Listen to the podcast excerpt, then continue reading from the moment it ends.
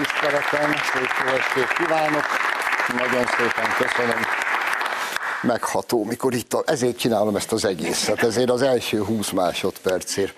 Jó estét kívánok, szeretettel köszöntök mindenkit odahaza és itt a stúdióban is. Rengeteg megbeszélni valónk van, úgyhogy nem húzom sokáig az időt.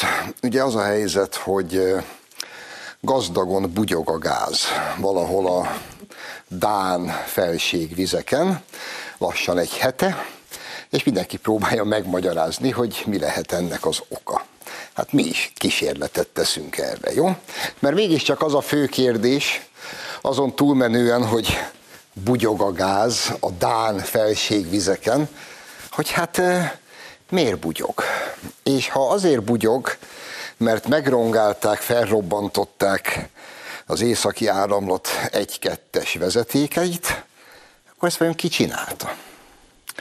És ha tudnánk egész pontosan, hogy ki csinálta, akkor azt is tudnánk, hogy ki ma a legsötétebb és legnagyobb gazember a világon, és ki érdekelt egyébként abban, hogy ez a rettenetes háború, ez eszkalálódjon. Hát tudni nem tudjuk, de az is ejtéseink lehetnek, ugye? És nézzünk meg mindjárt elsőnek egy bejátszót. Ez egy februári bejelentése az amerikai Egyesült Államok elnökének. Nézzük csak, mit mondott Biden bácsi.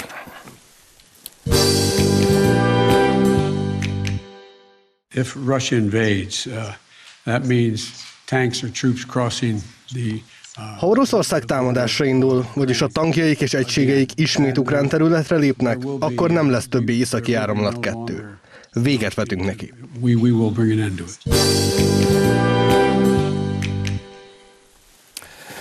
Most az a helyzet, hogy a balliberális geny sajtó a mostani Dán felségvizeken bugyogó gáz, amely az északi áramlat egy-kettőből bugyog, és ezen februári Joe Biden kijelentés között öt nap alatt még nem talált összefüggést. Azt azért el tudják képzelni, ha ezt mondjuk Putyin mondta volna, fordított előjellel, akkor valószínűleg az első tíz másodpercben megtalálták volna az össze, most nem lelik valahogy nem, nem állt össze a fejükbe, hogy ez a két dolog esetleg összefügghet egymással. Egyébként itt rákérdeznek Bidennél, az már nincs a bejátszóba benne, egy újságíró rákérdezi, de hát mégis hogy gondolja elnök úr, hogy nem lesz északi áramlat? Mire azt válaszolta elnök úr, hogy higgye el, megvannak rá a módszereink. Hm. Milyen furi. Hát még egyszer mondom, a ballipsi geny sajtó még nem talált összefüggést ezen kijelentés meg a mostani események között. A Fox News és Tucker Carlson viszont igen. Nézzük csak.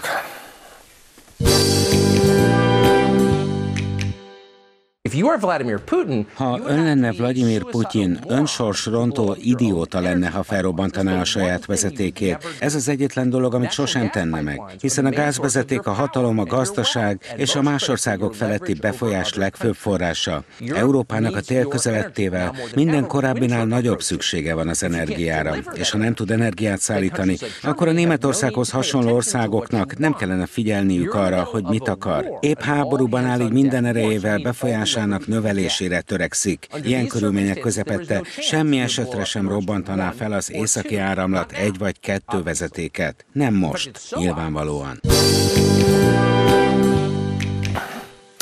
És Tucker Carlson azt is hozzátette kérdés gyanánt, hogy ezt tényleg mi csináltuk volna? De hát a kérdésben azért ugye be van csomagolva az állítás. No, Ugye, amit itt Tucker Carlson a Fox News-on elmond, ez az, ami minden normális embernek először eszébe jut. Mégis Putyin mi a fekete rossz sebér robbantaná fel a saját gázvezetékét. Miközben ezzel tud zsarolni mindenkit egyébként egész Európában. Ez az ő egyik legnagyobb fegyvere. Miért robbantaná fel? Ez ugyanaz, mikor heteken keresztül megpróbálták elhitetni a világgal, hogy Putyin a saját ellenőrzése alatt lévő ö, atomerőművet lövi. Mind, a hülye is tudta, hogy ez nem igaz, és az ukránok lövik. Aztán ilyen nyögvenyelősen ezt kénytelenek voltak be is vallani, de hetekig ment ez a szarduma. Tucker Carlson mint normális ember, hát nyilván föltette azokat a kérdéseket, meg elmondta azokat az érveket, amiket mi is, mint normális emberek azonnal feltennénk, meg elmondanánk. És akkor uh, itt még nincs vége az esemény sornak. Az a helyzet, hogy uh, Sikorski, aki lengyel külügyminiszter is volt hajdanában, egyébként ő a lengyel Márkizaj Péterből, Szabó Tímeából, meg Hatházi Ákosból összegyúrt fehérje halmaz, mert nekik is van ilyenjük, ez a Szikorszki. Szikorszki bácsi aznap, amikor elkezdett bugyogni a gáz a Dán felségvizeken, hogy, hogy nem, következőt tette ki a Facebookjára, egy fotót, a ikonikus fotót, ahogy a gázot jön a tengerbe, és aláírta, hogy Thank you USA. Köszönjük, Egyesült Államok. Két napig volt fenn ez a kis bejegyzése Szikorszkinak, két nap után levette, feltételezhetőleg azért, mert fölhívták a CIA-tól, hogy figyelj Sziki, te teljesen hülye vagy? Te olyan hülye vagy, mint a Márkizaj? E, eldumcsizod a lényeget? Levette, viszont föltette helyére Joe Biden, általunk imént idézett nyilatkozatát. Tehát valamit feltételezem, hogy Szikorszki is tudhat erről a dologról. És nincs már nagyon más hátra, mint hogy Stír Gábor kollégám a Moszkva tér blogon elkövetett írását, ha megengedik, a lényegét azért felolvasom, mert fontos. Tehát azt írja Stír Gábor a Thank You USA című publicisztikájában. Egyelőre nem tudjuk, ki áll az akció mögött, azt viszont igen, hogy kiknek állhatott ez leginkább érdekében. Vészesen eszkalálódik a háború. Nem csak Ukrajna frontjain, hanem a gazdasági térben is. Az északi áramlat elleni szabotás akcióval a háború megint átlépett egy határt. Egyelőre nem tudjuk, ki áll az akció mögött, azt viszont igen, hogy kiknek állhatott ez leginkább érdekében. Thank you USA, hálálkodott Twitter oldalán az amerikaiaknak Radek Sikorski az északi áramlat szivárgó gázvezetékei kapcsán.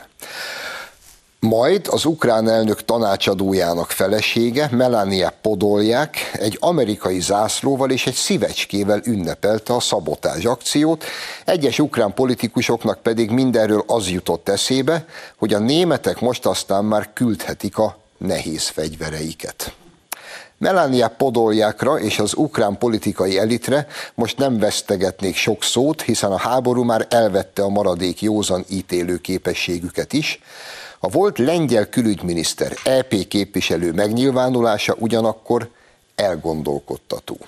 Emlékeztetnék arra, Szikorszki már a mostanra háborúba torkollott konfliktus gyökereinél is ott sertepertélt. Német és francia külügyminiszter társaival együtt 2014. február 22-én sikerült asszisztálnia Viktor Janukovics megválasztott ukrán elnök megbuktatásához és alig, hanem nem állok távol az igazságtól, ha feltételezem, hogy nem csak asszisztált a pucshoz. És akkor még hosszan kifejti Stír Gábor, hogy mit gondol erről az ügyről. És egy pillanatra azért térjünk vissza ezen mondatához, miszerint az ukrán politikai elit első dolga az volt az események kapcsán, hogy kifej, kijelentsék, hogy most már semmi akadálya annak, hogy Németország a nehéz fegyvereit szállítsa. E, azért kicsit ezen is töprengjünk el. Ugyebár az egyébként szintén a mai nyugati totál idióták népes táborát gyarapító Scholz kancellár néha megpróbál úgy tenni, minthogyha mégiscsak a német nemzeti érdekekhez lenne valami köze. Aztán persze hamar beleverik az órát, hogy ezt nem szabad csinálni, miért is szabadna, amikor az alkancellárja már kifejtette, hogy hány ingert kap a hazaszeretettől, a külügyminisztere pedig bejelentette, hogy szarik rá, hogy a német emberek mit gondolnak, ő akkor is azt fogja csinálni, amit akar. Hát egy ilyen közegben a Scholznak ugye túl sok mozgástere nincs, de például mindez idáig bigott módon ragaszkodott ahhoz, hogy Németország nem hajlandó többek között tankokat, modern leopárd tankokat szállítani Ukrajnának. Fölrobban az északi áramlat egy-kettő, és láss csodát az ukránok első mondata, hogy na, most már aztán a németek szállíthatják a nehéz fegyvereket, hiszen most már, hát hát nincs gázvezeték, most már nem zsarolhatja őket Putyin. Ugye milyen érdekes összefüggések vannak? És ezen összefüggéseket még nem találta meg a ballipsi sajtó, viszont ma reggel arra ébredtem, öt nappal vagy négy nappal az események után, 444.hu, akit egyébként nehéz a maga valójában látni, mert nem látszik ki, sem az amerikai titkosszolgálat, sem Soros Gyuri bácsi valagából. Ez a portál ma öles címekkel megírja, hogy orosz hadihajókat láttak aznap a térségben, amikor felrobbant a gázvezeték. Húha! És erre négy-öt napot kellett várni, hogy ezt valaki kitalálja. És egyébként, ha orosz hadihajókat lát tényleg, és nem érzékelték a robbanást, ma, amikor egy légy fingot azonnal mindenhol jeleznek, öt nap múlva találják ki, hogy akkor jártak ott orosz hadihajó, és miért nem akkor szóltak? Hm? És most jön, mert nyilván még egyszer a CIA leszólt, hogy gyerekek, valamit gyorsan ki kell találni, valamit. A más nem, valaki lásson már orosz hadihajókat. És öt nap múlva most beleállnak ebbe. De mi azért nagyjából pontosan tudjuk és rögzítsük, hogy mégiscsak kik a legnagyobb és legsötétebb gazemberek ma ebben a buliban. És ugye eszébe jut az embernek a második világháború. Tudják, a második világháború elején az amerikai Egyesült Államok népe, a közvélemény, az rohadtul nem akarta, hogy az Egyesült Államok beszálljon a második világháború. Mit érdekelte őket a kolorádói bányász, meg rednek gyereket, meg a Kansasi farmert, hogy itt Európában mit művelnek egymással itten ezek a hülyék. Nem akartak belépni a háborúba. Viszont az USA kormánya és elnöke meg nagyon be akart lépni, mert pontosan tudta, hogy a birodalmi törekvések következő grádicsa az lesz, hogy ebben a háborúban részt kell venniük, le kell győzniük Németországot, és utána megint évtizedekig ők fognak Európában diktálni mindent. És hogy oldották ezt meg? Pontosan tudták, hogy a japánok mikor és hol fognak támadni. Pontosan tudták, hogy mikor lesz Pearl Harbor ellen a támadás és nem szóltak a sajátjaiknak. Hagyták, hogy meghalljon több ezer amerikai katona és civil alkalmazott, és imigyen sikerült az amerikai közvéleményt a háború oldalára állítani. A többi meg járulékos veszteség. Hát akkor a két áramlat fölrobbantása meddig tart? Meddig tart, ugye? Méghozzá Dán felségvizeken ahol az oroszok csak úgy észrevétlenül robbangatnak. Mert egyébként, ha ez a verzió igaz, az annál rosszabb. Na, hát így tessék gondolni. De egyébként mit várunk, mit várunk ettől az egésztől? Most megint kalandozzunk egy kicsit vissza Amerikába. Ezt a hírt négyszer olvastam el odakint Mongóliába ért, nem akartam elhinni, pedig igaz. Figyú, csak a férfinak született férfiak nem jelentkezhetnek az amerikai légierő programjára. Figyú, figyú, még, még nem is érted, ugye, hogy miről beszélek, mondom. Nőknek és nemi kisebbségeknek szóló ösztöndíj programot indít az Egyesült Államok Légierő Akadémiája, Colorado államban. A felhívásban egyértelműen jelezték, hogy ez a felhívás nem férfiaknak szól. Szeptember 14-én küldött kör e-mailt a kadétoknak az akadémia, amelyben tájékoztatta őket, hogy a repülőgépipar iránt érdeklődő egyetemi hallgatóknak, nőknek és nemi kisebbségeknek többek között nem binárisok, agenderek, bigenderek, two-spiritek, demigenderek, genderfluidok, genderkvírek, na ezeknek van lehetőségük jelentkezni a légierő ösztöndíj programjára. Kicsit itt megállok a felolvasásban, mert ezt még egyszer dumcsizzuk végig, tehát nem binárisok, agenderek, bigenderek, two-spiritek, demigenderek, genderfluidok és genderkvírek. A háromnegyedéről azt se tudom, hogy mi a csak látom magam előtt ezeket mind. Ahogy bevonulnak az amerikai légierőbe, és azt írják ebben a kis felhívásban, ha ön cisznemű férfi, azok vagyunk mi, ha ön cisznemű férfi, ez a program nem önnek való. Na most én nem tudom, nem emlékszem pontosan, hány év is telt el a Top Gun című nagy sikerű amerikai hollywoodi mozi óta, ugye, ahol Tom Cruise, mint a légierő fiatal hadnagya, fantasztikus dolgokat visz végbe, brutál jó csajokat közbe. Tehát az egész olyan kirekeszt. és, és ugye nyilván ezek a hollywoodi filmek nem csak úgy készülnek, hát nyilván ez akkor azért készült, hogy a légierőt népszerűsítsék egy, egy Tom Cruise-zal. Ma úgy mondanánk, hogy mindjárt csak muszáj puskáznom, ő, ő, ő ugye egy cisznemű férfi. Mert aki ma normális pasi és nőket szeret, az nem férfi, az a cisznemű. No, tehát ez a cisznemű Tom Cruise a Top Gun-ban, ugye a fantasztikus napszemüvegébe, iszonyú jóképűen, felejthetetlen mosolyával reklámozta hány 30 éves film, mondjuk. Eltelt 30 év, már látom a következő Top Gun 2-t, vagy há, most van egy Top Gun 2, azt még nem láttam, de abban még mindig valami cisznemű Tom Cruise van. De 10 éven belül szerintem lesz egy Top Gun 3, ahol majd egy ilyen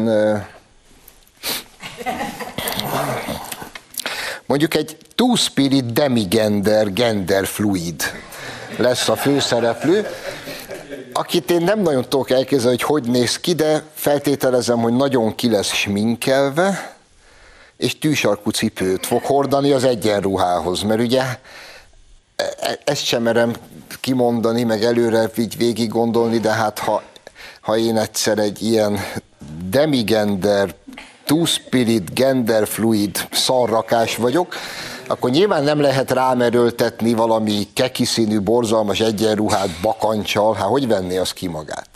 És akkor szép kongyba, gyönyörű sminkbe, kis tűsarkúba, majd kitipegnek a betonra, beülnek a repülőbe, és aztán nem tudom, mit fognak csinálni. E, emberek, ember, itt tartunk ma. Ez az Egyesült Államok elkövetkezendő légi ereje. De hát vagy két hónapja bemutattam azt a kis fotót, ahol a pórázon kutyajelmezbe sétáltató baromállat a Párizsi Amerikai Nagykövetségen a francia nemzeti ünnep alkalmából rendezett fogadáson kezet fog az amerikai haditengerészet valamelyik tábornokával, aki viszont helyes kis kosztümbe van, mert ő aktuálisan nőnek képzeli magát. De hát nem az a lényeg ezek után, hogy tele legyen a légierő genderfluidokkal. Csak azt nem tudom, hogy ki fogja megvívni a következő háborút. És lesz a következő háború. Ezek a jó kérdések ám. Minden esetre azt is jó, ha tudjuk, hogy ugyanennél a légierőnél tiltó listára tették a terrorista szót, figyelj, mert az kirekesztő. Csak azt nem tudom, ha Isten ne adja, ma érné egy újabb támadás, egy ilyen, mint a World Trade Center elleni támadás az Egyesült Államokat, és ott romba dőlne minden, akkor az amerikai légierőt, mikor riasztanák a genderfluidokat, hogy szálljanak föl és próbálják megvédeni az Egyesült Államokat, akkor hogyan fogalmaznák, hogy kik támadták meg őket? Az antigender fluidok? Mostanában ez lesz a terroristák neve? És egyébként, hogy mennyire nem csak én gondolom ezt így, mert mindezen program, meg mindezek ismeretében egy bizonyos Tom Cotton szenátor nyilatkozott a Fox Newsnak, és a következőt mondta szó szerint idézem. A fiatal gyerekek nem azért lépnek be a hadseregbe, hogy megtanulják, hogyan kell helyesen használni a névmásokat. Azért lépnek be a hadseregbe, hogy megtanulják, hogyan kell megölni a rossz fiúkat és megvédeni az országot. Ugye ez megint ez az avit ócska normalitás. És ez a szerencsétlen szenátor, jegyezzük meg a nevét Tom Cotton, feltételezem kolorádói szenátor, ez mindig azt hiszi, hogy itten a normális embereknek van szava, meg beleszólása a dolgokba. Nincs. Tartunk egy rövid szünetet, és aztán Kocsis Mátéval folytatjuk.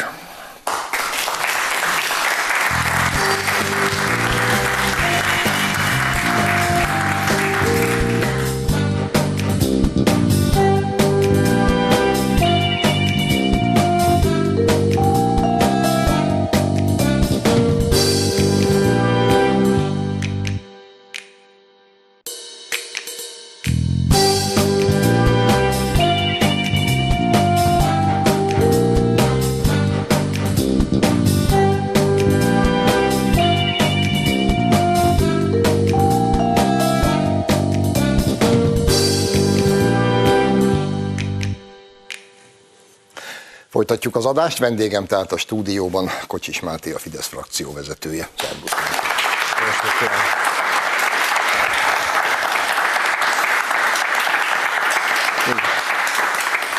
Téged itt szeretnek, csak szólok. Köszönöm. E, muszáj ezzel kezdjem, mert ha már az egész első részt a Dán felségvizeken bugyogó gáznak szenteltem, én, tudom, én erről szabadabban beszélhetek lényegesen, mint bármely politikus, így beleértve téged is, de azért legalább egy ilyen távoli gondolatkísérlet erejéig nem kéne csak a kivételképpen összekötni egy pillanatra mondjuk Joe Biden februári beszédét a mostani eseményekkel, és nyilván pontosan tudod, hogy miről beszélek ugye egyre nagyobb teret nyernek ezek a sokszor összeesküvés elméleteknek, sokszor pedig logikus összefüggések felfedezésének nevezett valamik. Az kétségtelen, hogy a helyzet nagyon bonyolult, és szerintem azok sem értik, akik egyébként békeidőben ilyen folyamatok elemzésével foglalkoznak. Most ugye az aktuális kérdés éppen a gáz felbugyogással, ahogy említetted, a, és az északi áramlat elleni szabotás. Igen, szabotás akció, amit ha jól olvastam, tanap körülbelül 500 kg TNT-nek megfelelő robbanóanyag kellett ahhoz, hogy ezt meg lehessen csinálni, tehát azt kizárhatjuk, hogy valami civil kezdeményezésről van szó. Ez nyilván egy katonai művelet volt, és mennek a találgatások, hogy kinek az érdekében állt ez. És, és miután nehéz tisztán látni, ezért én magam most ebben nem bonyolódnék bele, hogy ez vajon ki lehetett, de ettől még a feszítő kérdés ott él velünk, hogy vajon ki lehetett, és milyen megfontolásból. Igen, és így lezárásaképpen a témának, amit az első részben el is felejtettem mondani, hogy 500 kg TNT-nek megfelel, ugye azt? Igen. Így mondják a szakértők.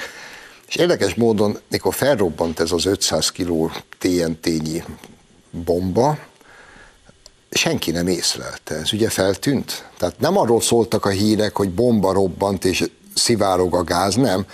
Elkezdett szivárogni a gáz. És 500 kg TNT felrobbanását se a dánok, se a svédek, se senki. Miközben ismétlem, hogy légy fingik egyet, azt azonnal jelzik a szej. 500 kg TNT elsikkadt. Na, ennyit erről. Ami viszont nem a feltételezések körébe tartozik, hanem a szikár tények világába és most, hogy már túl vagyunk az olasz választásokon, még izgalmasabb, mert a választások előtt néhány nappal megérkezett Ursula von der Leyen, az Európai Bizottság elnöke, adott egy interjút, vagy tartott egy előadást, már nem emlékszem rá, és kijelentette, hogy hát nagyjából szó szerint azt mondta, hogy ha Olaszországban rossz irányba mennek a dolgok, akkor nekik megvannak az eszközeik arra, hogy hát akkor ezt itt megfelelő módon megbüntessék és rögtön Lengyelország és Magyarország példáját hozta elő a saját szájával. Hm? Hát ugye először is fordítsuk le az állítást magyarra. Tehát a rossz irányba mennek a dolgok, az ma sajnos az Európai Bizottságnál azt jelenti, hogy nem baloldali a kormány. Ha nem baloldali a kormány, akkor rossz irányba mennek a dolgok. Ez egyébként teljesen világos, hogy ma már nem, nem, nem jogi vita van, meg jogállamisági, meg tehát ezek mind, mind, mind csak blöffök. A politika van, szikár, ideológia és politika van. Tehát ha az európai vezetők, a brüsszeli elit számára megfelelő kormányzati hatalom alakul egy, egy országban, akkor, akkor nincsenek jogállamisági problémák. Például mondok egy, egy, egy olyan példát, amit minden magyar tudhat. Érdekes módon, amikor 2006-ban tömegeket verettek az utcán, valamilyen nem voltak jogállamisági problémák. 2010 óta ennek a, ehhez hasonló sem fordult elő, sőt, most már sajnos, ha jól látom, ott tartunk, hogy, hogy egyes tüntetők a rendőrséggel és a, konkrétan a rendőrökkel szemben olyan kijelentéseket engednek meg maguknak, ami még emberileg is tűrhetetlen, nem hogy jogilag egy hivatalos személy ellen, de érdekes módon most hirtelen jogállamisági problémák vannak. Ide a rozsdás bököt a a nyakamhoz, hogy másfél éven belül Olaszországban is valamiért hirtelen jogállamisági problémák lesznek. Nincs Egyszerűen, igazad, szerintem fél éven belül. Lehet, hogy kevesebb idő is elég hozzá. Eddig nagyon jól mentek a dolgok, igaz, hogy 155%-on van a GDP arányos államadóságuk, igaz, hogy romokban a, a költségvetési hiányuk, most abban nem tudják tartani, igaz, hogy az egész olasz gazdaság perspektívája az finoman fogalmazva is beszűkült, de legalább baloldali kormány volt. Most, hogy az olaszok másképp döntöttek, új jövőt szánnak maguknak, így hirtelen jogállamisági problémák lesznek. Egyébként én azon szoktam gondolkodni, hogy vajon mi okozza a különbséget itt a demokrácia fölfogásokban, mert az az egyik megfejtésem, ami biztos, hogy helyes, hogy a mi, mi demokrácia felfogásunk az lényegében azt jelenti, hogy a népakaraton alapuló hatalom gyakorlása, a, a mi demokrácia felfogásunknak a középpontja. Független attól, lehet, hogy elavult, ezzel szemben a, a brüsszeli elit a váltógazdálkodást tekinti demokráciának. Tehát teljesen mindegy, hogy mit akar a nép, az lényegtelen, az másodlagos kérdés. A legfontosabb az, hogy váltógazdálkodás legyen, és az is lehetőleg baloldali váltógazdálkodás legyen. Tehát a, a politikai baloldalból kerüljenek ki a kormányfők, és azok sem maradjanak túl sokáig a székükben. Na az demokrácia. Az, hogy egyébként a nép dönt, a nép választ magának vezetőket, az nem demokrácia, főleg ha jobb oldalit választanak. Most ez történik Olaszországban. A gond az nem ez, mert ezt, ezt a képletet eddig is ismertük. A gond az, hogy ezt az Európai Bizottság elnöke mondja. Az nagyobb probléma. Tehát legalább arra vigyázhattak volna, hogy alsóbb szinteken közlik ezeket az amúgy közkeletű tényeket, hogy kedves olaszok, miután jobboldali kormányt választottatok magatoknak, nagyon meg fogjátok ütni a bokátokat. Ez, ez nem volt elegáns, hogy ezt pont von der Leyen asszony mondta. Igen, de hát, hogy mennyire nem számít, hogy mit akar a nép, maga a német külügyminiszter jelentette be két hete, hogy őt egyáltalán nem érdekli, hogy mit gondol a nép, ő akkor is azt fogja csinálni, amit ő szeretne.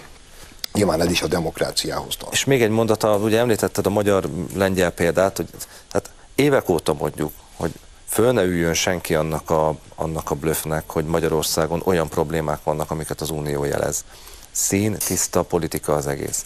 Tehát addig fognak két évente jelentéseket írni, hát emlékezzenek vissza, először volt a, az a Tavares nevedő portugál kommunista, a portugál kommunista pártnak valamit funkcionáriusa önmagában jó, amikor rólunk egy kommunista ír jelentéseket. Jelentéseket, azt, azt én is csípem. Igen, aztán ugye volt a Sargentini, most van egy újabb, jövőre megint lesz egy gondolom, tehát addig írogatják ezeket, amíg rá nem sütik egy országra, hogy ott valami baj van, miközben csak egy baj van, hogy nem baloldali a kormány. És ezt addig fogjuk hallgatni, amíg baloldali nem lesz a kormány, és ugyanezt történik Lengyelországban is, és ugyanezt történik, ugyanezt fog történni Olaszországban is. Hát, és csak hogy mondod, ugye 150 van az államadóság, romokban a költségvetés, stb. stb. Ez mindez, mindez idáig nem számított, mert hogy baloldali kormány van. Most majd számítani fog. Hú, most majd számítani fog, hogy mi van ott Olaszországban a gazdasággal. Csak emlékeztetnék, Gyurcsány Feri összödi beszéd meg van még, és nem nem csak az ikonikus részek, hanem egy erre vonatkozó kitétel. Mikor Feri azt mondja, hogy trükkök százai, amiről nektek nem kell tudnotok. és az Európai Unió pénzbősége segített minket abba, hogy túléljük mindezt. És azóta már tudjuk, hogy az akkori szoci kormány, az akkori uniós pénzügyi biztos az Almúniával összejátszva mindenkit átvert. Mindenkit. És, és Brüsszel pontosan tudta, hogy mi történik. De nem számított, mert komcsik voltak hatalmon. Na, hát erről ennyi. Nem volt ott se pénzügyi, se jogállomássági probléma. Hát persze, de ha már, ha már itt maradjunk is itt, te látsz némi kivetni valót abban, hogy milliárdos tételben érkezett a baloldalhoz a kampányra pénz valahonnan az Egyesült Államokból, amit aztán nagy eszű sündisznócska Márkizaj Péter egy önfelett pillanatában mindjárt ki is pofázott, meg is kapta érte a magáét már azóta, de a sajtójuk, meg, meg mindenki próbálja vagy elmaszatolni, vagy kussolni az egészről, és valamiért a nemzetközi sajtó se kapta fel ezt a dolgot. Szerinted fordított esetben mi lenne? Ez egy kis összetett kérdés. Igen, igen. Az, az első kérdésed az volt, hogy látok ebben a problémát. Hát lá, látogatok benne némi, némi problémát, ugyanis ez teljesen jogellenes. Ez a, és ráadásul a, a 90-es évek első demokratikus jogalkotási hullámában konszenzus volt a tekintetben a politikai pártok között, hogy szigorúan kell tiltani a külföldi finanszírozást. Egyszerű dolog egyébként szuverenitás kérdés. Kisország vagyunk, a nagyhatalmak hatalmi eszköztárában benne van az, hogy befolyást próbálnak vásárolni kisebb országokba. Egyébként ezt a Balkánon 30 éve nyomon követhetjük, talán még napjainkban is, de szerintem a világ számos más országában is. Tehát ebben konszenzus volt, hogy magyar szuverenitás védelmi kérdés, hogy nem lehet külföldről politikai pártokat, kampányokat, mozgalmakat, erőket finanszírozni. Na most ez, ez ma is így van, tehát teljesen jogellenes a dolog. A, és miután közös jelöltek voltak, ők magukat, saját magukat hívták egységes ellenzéknek, közösen indultak a választáson, ezért a felelősségük is közös. Az, hogy sunyognak, azt, lá, azt láttam, ezt hétfőn is láttam a parlamentben. Egy dologra azonban fölhívom a figyelmet, ugye önmagában is persze probléma, hogy egy, hogy egy nagy hatalom, ez esetben, ahogy volt kedves elárulni Márkizai Péter, hogy egyébként az Egyesült Államokból kapják ezeket a, a pénzeket, ilyet csinál. Eddig is tudtuk, ennyire nyilvánvalóan nem dörgölték még bele a képünkbe, hogy, hogy tulajdonképpen egy tengeren túli finanszírozással áll szembe a magyar demokrácia, és azokra a kívásokra is kell majd reagálni, amit ez jelent, és hogy védjük meg a szuverenitásunkat a jövőben nagyhatalmi befolyásolási törekvésektől. De ami ennél szerintem izgalmasabb, az egy dolog, hogy az Egyesült Államokban valaki vagy valaki ilyet csinálnak. A, a nagyobb probléma az itthon van.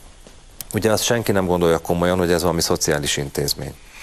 Tehát a kérdés az, hogy a mi politikusaink a baloldalon mit ígértek cserébe. Tehát ez egy sokkal izgalmasabb dolog. Ez nem úgy zajlik ám, hogy jönnek a jótékony amerikai nagybácsik és összedobják, hogy a gyerekek itt egy kicsit hagyjátszanak a magyar választásokon.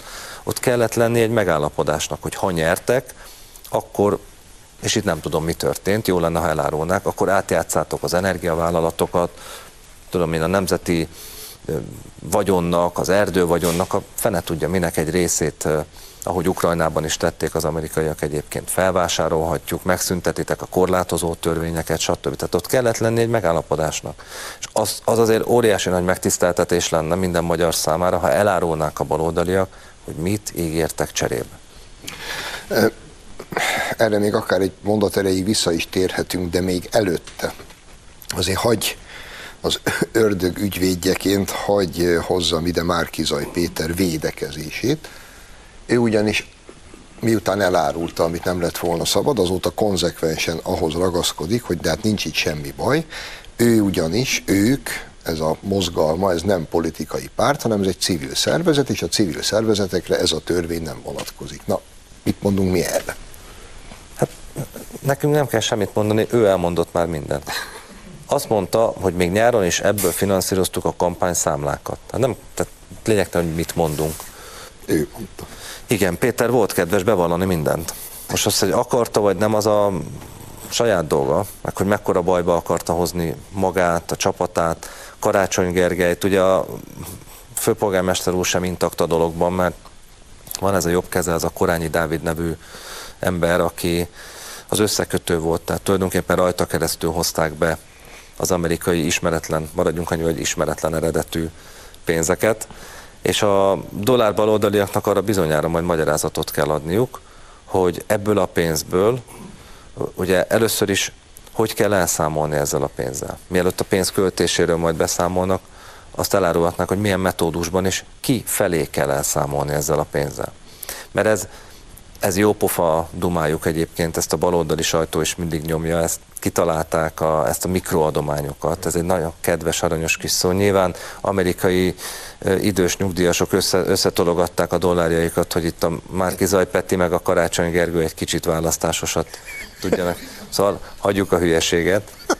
Kifelé kell elszámolni, hogyan, stb. Ez, szerintem ez már a jogiasításnak egy kérdése. Ez persze egy hatósági ügynek tűnik elsőre is, de, de ugye nem fogják tudni megúszni. Tehát utaltál a kérdésedben is arra, hogy kicsit elhallgatják a dolgot. Még szép. Hát nem fognak vele büszkélkedni. Szerintem az okosabbja azt is tudja, hogy nagyobb bajban vannak, mint, mint valaha. Köszönhetik ezt Márkizai Péternek, de ettől még a jogellenes cselekedet megvalósult. Persze. És, és miután mégiscsak egy durva választási beavatkozási kísérletről van szó. Teljesen mindegy, hogy hogy maszatolják, tehát most már a szómágják szerintem nem fognak működni. Hát ez, ez olyan, most pont aktuális a Fekete Győr Andrásnak ez a, a mikor megdobálta a rendőröket füstgránáttal, a, ez pont az a, az a szómágia, hogy amikor a, a fradi drukkerek dobják ugyanazt az eszközt, akkor füstbombának hívja a baloldal, ha, ha egy jobboldali rendezvényen, vagy nem tudom, valami tüntetésen dobják el, akkor füstgránát, ha a Fekete, Fekete Győr András dobja, akkor meg füstgyertya. Szóval ez, ez, ez ugyanaz a játék. Szóval ez ugyanaz a játék, hogyha bárki más elköveti, akkor tiltott kampányfinanszírozás, ha ők követik el, akkor mikroadomány. Szóval jó, de, hagyjuk a hülyeséget. De miért, nem tudom, miért tartod elképzelhetetlennek, hogy egy márciusi reggelen Joe bácsi kirúgta a ház ajtaját a kukoricaföld közepén, nagyot nyújtózkodott és beszólt, hogy te Méri, hozzá már ki 200 dollárt, átutaljuk a Fekete Győrnek, meg a Márkizaj Péternek mikroadománynak, hadd nyerjenek Meg a már. karácsony Meg a karácsony. Szerintem ez egy életszerű példa. Van nekünk egy árnyékkormányunk, és mostában mindenki, akit beült ebbe a székbe, hát azért, na, Na, beszéljünk már egy kicsit az árnyék kormányról, amiben nincs benne a Gyurcsány Feri. Nem, nem, nem vagy megijedve? Hát egy kicsit, kicsit, de rettenetesen. A, ugye két, két élő a dolog, mert persze van egy megmosolyogtató része az egésznek. Néhány hónappal a az írtózatos pofon után, amit a választók kiosztottak a magyar baloldalnak, miért vetemedik valaki arra, hogy csinál egy árnyékkormányt. Tehát ilyen erőviszonyok mellett, meg ilyen világos választói magatartás mellett pár hónap múlva szerintem inkább, inkább idétlenség. De a dologban van egy rossz oldala is, hogy ezt az árnyékkormányt mégiscsak azok csinálják, akik egyszer már tényleg kormányoztak. Tehát humorosabb lett volna, hogyha mondjuk az előbb említett Fekete Győr András vagy Jakab Péter csinál egy árnyékkormányt. Ebbe, ebbe az a rossz, hogy ezek, akiket Feri jelölt a harmadik Gyurcsány kormányba, ezek, ezeket már mind ismerjük. Vagy, a, vagy ténylegesen tisztségviselői voltak egy Gyurcsány kormánynak, Vadai Ágnes, Arató, sorolhatnám, vagy ugye az elmúlt 12 évben ismerjük a politikájukat, hogy hogyan támadták a rezsicsökkentést, hogyan támadta a gazdasági miniszterüknek jelölt Dávid Ferenc a, az üzemanyag ástoppot, tehát hogy mit gondolnak a mindennapi magyar életről, ezt pontosan tudjuk. Na most ugye elnézve az ellenfél állapotát, azt azért megállapíthatjuk, hogy ha nem Orbán kormány lenne Magyarországon, akkor ez lenne. Tehát a, a, az ijesztő ez a dologban. Tehát nem, nem az van, hogy van a baloldalon három másik alternatíva, és most mellesleg Feriék is csináltak egy, egy árnyékkormányt, hanem ha nem Orbán kormány van, akkor, akkor Gyurcsány kormány van. Ez a, ez a rémisztő benne. Most más kérdés, hogy Magyarországon politikai stabilitás van, és a következő négy évben a választók idei áprilisi döntése szerint ti hatalomgyakorlás van Magyarországon, de ettől függetlenül azon érdemes elmélázni, hogy 16 évvel a, a véres események után, ahol hát tényleg példátlan módon rontott rá a saját nemzetére a miniszterelnök, az egykori miniszterelnök Gyurcsány Ferenc, hogy még, még mindig itt tartunk, ez, ebben van valami elszomorított. Tehát két kettős érzésem van az emberek, mert amennyire vicces, annyira szomorú is, meg rémisztő. Ha netán ez a kormány valamiért távozna, akkor az lépne a helyébe, amelyiket most Ferenc megalakított. Ennek mondjuk egy jó pillanata lenne, hogy akkor viszont rögtön megtudnánk, hogy mit ígértek a pénzekért cserébe. rögtön az első héten benyújtanák a megfelelő törvényjavaslatot. Egyébként maradva itt, ugye Gyurcsány bement a Gulyás Mártonhoz, ebbe a Partizánba, és ott adott egy hosszú interjút. Na, az is tárháza a gyönyöröknek, de ha me- megnéztem az interjú egészét, a kérdésre meg, amit itt próbálunk körbe tapogatni, ő megadja a választ, legalábbis az érzésem szerint.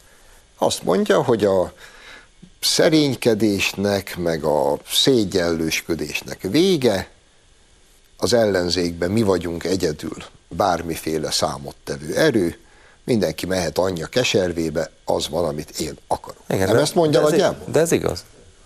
De ez igaz, ezt mondom, hogy ez a rémisztő az egészben. Ez igaz. Hát a legszervezettebb, legnagyobb, évek óta mondjuk. Először próbálta a baloldali sajtó ugye bagatelizálni, hogy már üldözési mániájuk van, fideszesek már megint gyurcsányt látják mindenhol. Hát nem, nem mi látjuk mindenhol, hát ő van mindenhol. Tehát nem, ez nem egy képzelgés, ez így van, ahogy mondja. A legnagyobb, legszervezettebb, legerősebb baloldali párt. Kétség nem fér hozzá.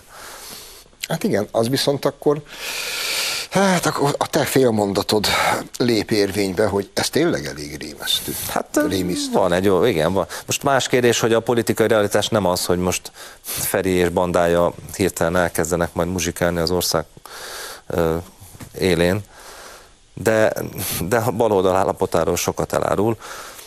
A, amúgy persze meg ezerféle szóviccet lehet ebből gyártani, érdemes is, az árnyékban is le lehet égni től, elkezdve a, az, árnyék az árnyékszéken keresztül persze van, van ennek ezer fajtája, árnyékra is lehet vetődni, meg szóval érdemes ezzel elszórakozni, de egyébként a kormányzásról van szó, akkor Isten őrizzen, és Isten óvja meg a magyarokat attól, hogy Gyurcsány vagy bármelyik hozzátartozója még egyszer hatalomra kerüljön legyen is ez a mai végszónk. Köszönöm szépen, hogy itt voltál. Önöknek köszönjük a megtisztelő figyelmet. Legközelebb egy hét múlva várom önöket, addig is minden jót. Viszontlátás.